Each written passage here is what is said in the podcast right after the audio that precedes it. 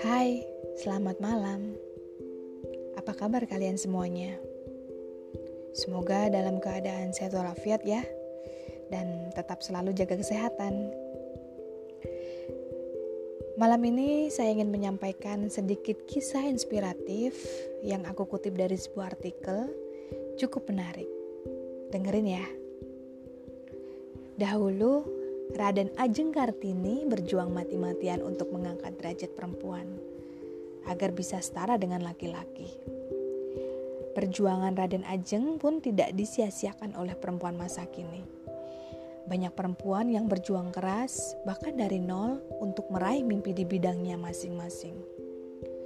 Saat ini, pintu untuk perempuan menjadi seorang pemimpin, baik di organisasi, perusahaan, ataupun seorang businesswoman telah terbuka lebar.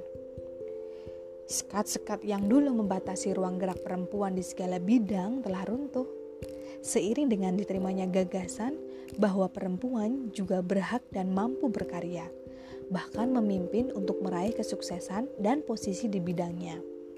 Namun, memang bukan perkara mudah, apalagi sebagai perempuan yang juga memiliki tanggung jawab untuk mengurus rumah tangga serta keluarganya.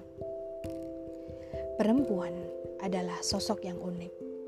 Walaupun telah memiliki posisi penting dalam pekerjaan, mereka tidak pernah meninggalkan peran utamanya sebagai istri bagi suami dan ibu bagi anak-anaknya.